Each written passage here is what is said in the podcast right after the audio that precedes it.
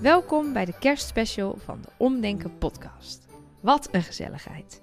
Het derde seizoen zit er alweer op en daarom waren we wel benieuwd naar jullie, naar onze luisteraars.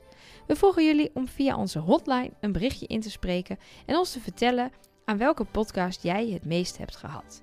Welk inzicht leverde die podcast je op en wat heb je ermee gedaan? Dat hebben jullie in grote getalen gedaan. Bedankt voor alle leuke berichtjes. In deze kerstspecial laten we een aantal van die berichten aan jullie horen. En we hebben uiteraard Bertolt ook gevraagd naar zijn overwegingen. Het kenmerk van omdenken is dat het niet begint met een doel, een missie of een stip aan de horizon. Omdenken begint niet met wat je wel wilt, het begint altijd met wat je niet wilt, met een probleem. Problemen zijn de grondstof van het omdenken. Om te kunnen omdenken moet je dus eerst de bereidheid hebben om jezelf de vraag te stellen: heb ik een probleem? En zo ja, wat voor probleem dan? Dat vergt moed, de moed om eerlijk te zijn en kwetsbaar. Bram heeft die moed en dat op een gebied waar je het niet meteen 1, 2, 3 zou verwachten. Hallo uh, Bertolt, je hoort Bram aan de andere kant. Ik uh, stuur dit berichtje naar aanleiding van de oproep die je hebt geplaatst, waarin je vroeg wat voor inzichten mensen hebben gehaald uit je podcast. Dus uh, bij deze, ik, uh, ik heb ook een inzicht gehaald uit je podcast. Namelijk dat problemen ook de oorzaak kunnen zijn van andere problemen. Dus, um, nou ja, het is best wel moeilijk om voor mij te vertellen, maar een probleem wat ik in het dagelijks leven ervaar, is dat ik het moeilijk vind om, om vrouwen aan te kijken. Um, en, en dit is de oorzaak ben ik gaan inzien ook van andere problemen. Um, ik ben bedrijfsleider en heel veel werknemers zijn, uh, zijn vrouwelijk. En ik, ik heb de laatste jaren heb ik minder plezier gehad in het naar mijn werk gaan. En uh, dat komt dus ook daardoor. En ik vind het ook. Ik, dit is voor mij best wel een stap om naar de supermarkt te gaan, omdat er natuurlijk toch ja, best wel wat vrouwen rondlopen.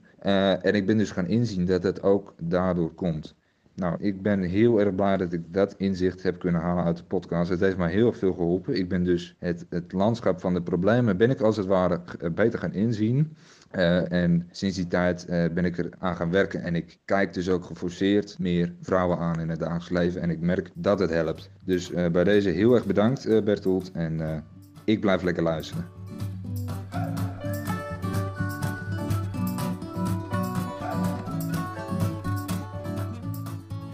Ja, ik heb na het luisteren van de podcast, daar heb ik gewoon zoveel aan gehad. Ik heb zoveel inzichten opgedaan en dat ook in de praktijk kunnen toepassen. Daar ben ik jullie gewoon heel erg dankbaar voor. In, in de notendop komt het er eigenlijk op neer dat ik vooral heb gezien en uh, ervaren dat je vanuit twee modussen kan leven. Vanuit de gids of vanuit de Sherpa ja, ik heb, met dat inzicht heb ik ervoor gekozen om de rol van Sherpa aan te nemen. Dat wat ik eigenlijk jaren geleden al deed. Dus in plaats van iemand die alles moet oplossen, ben ik in de modus gestapt uh, naar iemand die alles kan oplossen. En uh, ja, dat is gewoon erg rustgevend. En daarmee heb je ook gewoon veel meer tijd en ruimte om ook gewoon goed waar te kunnen nemen. En dat dan ook gewoon met liefde uh, te doen. Dat geeft me gewoon uh, heel veel genot en plezier. En daar wil ik Bertolt hartelijk voor danken. Ja, ga vooral zo door. Ik ga ook met veel plezier met mijn vriendin in maart naar een voorstelling. Zoals verwacht loopt alles anders. En ja, ik wens jullie gewoon heel veel succes. En dank in ieder geval. Groet, Dennis.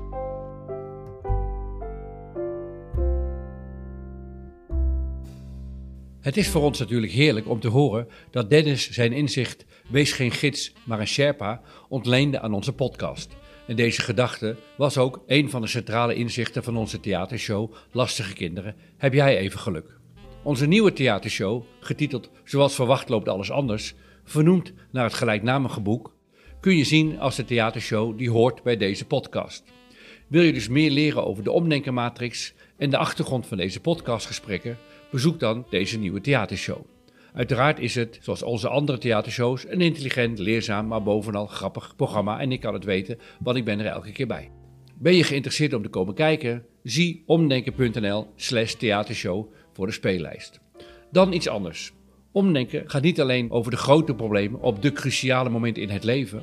Omdenken gaat juist ook over de ogenschijnlijk kleine problemen. Maar door anders tegen kleine problemen aan te kijken, kunnen we soms wel een belangrijke verandering realiseren.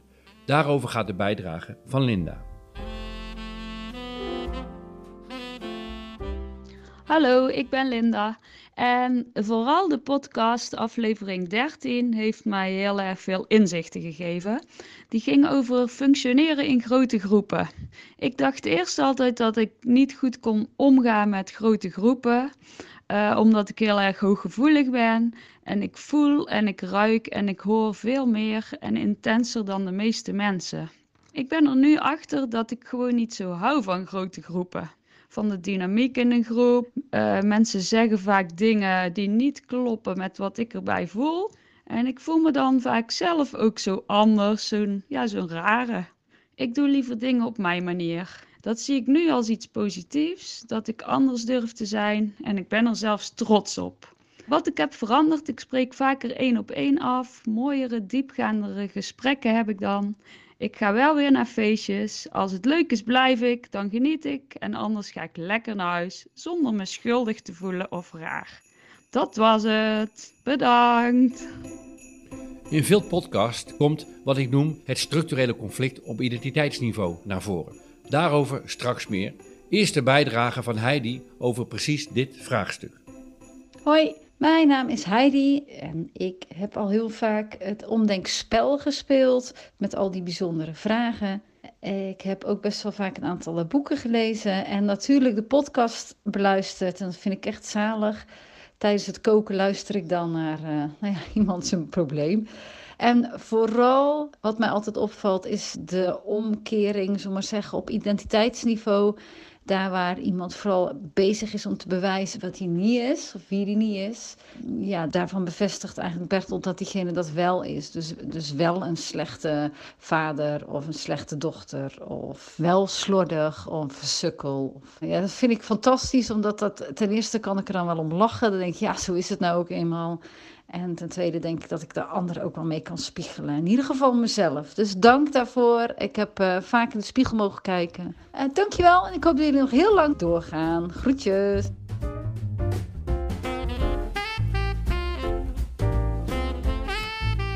Het wat ik noem structurele conflict op identiteitsniveau zit net iets gecompliceerder in elkaar dan misschien op het eerste gezicht lijkt. Hoe werkt het? Het begint ermee dat we ergens in ons leven een negatief zelfbeeld ontwikkelen. We vinden onszelf dom, lui of onaardig. Dat zelfbeeld, daar kunnen we natuurlijk niet mee leven. En wat doen we dus als oplossing? We ondernemen allerlei acties om anderen, maar vooral onszelf, het gaat immers om een zelfbeeld, te overtuigen van het tegenovergestelde. Wie zichzelf dom vindt, zal proberen slim over te komen. Wie zichzelf lui vindt, zal heel vlijtig gedrag vertonen. En wie zichzelf onaardig vindt, zal proberen zo aardig mogelijk te zijn. De ellende is alleen dat je dat doel nooit zult behalen. Sommige doelen in het leven zijn haalbaar. Een taart kun je bakken en voor een diploma kun je slagen. Maar wanneer is een zelfbeeld af? Wanneer weet je zeker dat je slim, aardig of vlijtig bent? Er zullen immers altijd dagen zijn dat je iets niet weet, onaardig bent of ergens geen zin in hebt. Dus lui bent. Op die moment is de kans groot dat je denkt: zie je wel, ik ben ook. Nou, vul me in, hè, dom, lui of onaardig. En om het nog erger te maken, eigenlijk is de poging een ideaal zelfbeeld te bereiken in zichzelf al een bewijs dat je zelf het tegenovergestelde vindt. Want wie anders dan iemand die van zichzelf denkt dat hij dat is, zal proberen het tegendeel te bewijzen. De tragiek is, het probleem, het conflict is structureel. Je komt er nooit vanaf. Onaardig wil je niet zijn, maar echt 100% altijd aardig zul je nooit worden. Je zult heen en weer blijven jojoen tussen ongewenst en gewenst zelfbeeld. En dat roept dus de vraag op: hoe kom je hier dus vanaf? Het antwoord is simpel, maar in de praktijk ongelooflijk lastig. Namelijk door jezelf er bewust van te zijn dat jij dit doet. Jij houdt dit structurele conflict steeds in stand en jij kunt hier dus ook mee stoppen. Of in omdenkentermen het loslaten. En wat moet je dan precies loslaten? Uiteraard je negatieve zelfbeeld. En hoe laat je dit het beste los? Door er de absurditeit van in te zien. Door er humor van te maken. Door het te overdrijven. Maak er dus een grap van. Zeg tegen iedereen, maar vooral dus jezelf, dat je dom, onaardig of lui bent. En niet een beetje dom, onaardig of lui, maar ontzettend dom, verschrikkelijk onaardig en aards lui. Door je zelfbeeld te bestrijden wordt het probleem steeds groter. Alleen door er de humor van in te zien kun je het negatieve zelfbeeld loslaten.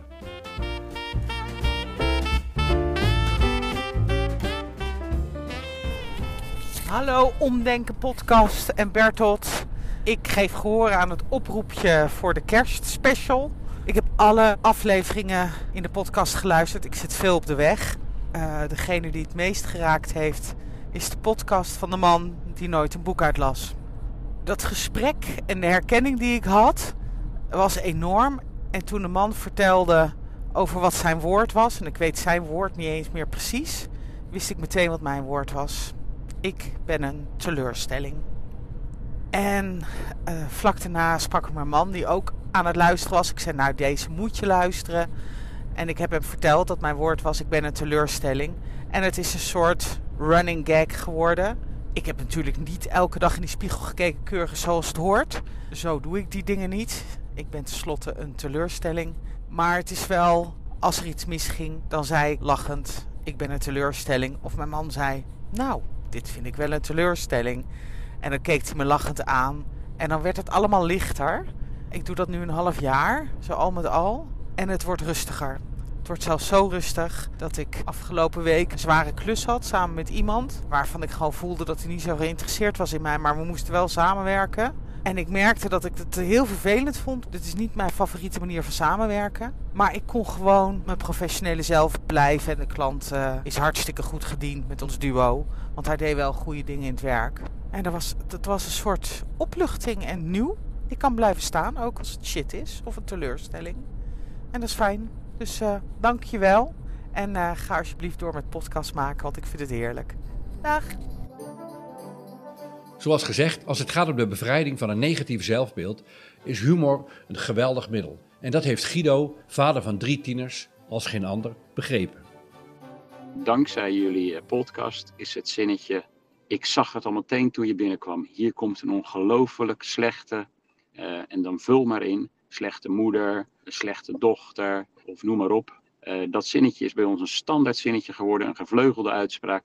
En helpt enorm om negatieve zelfgedachten te ridiculiseren.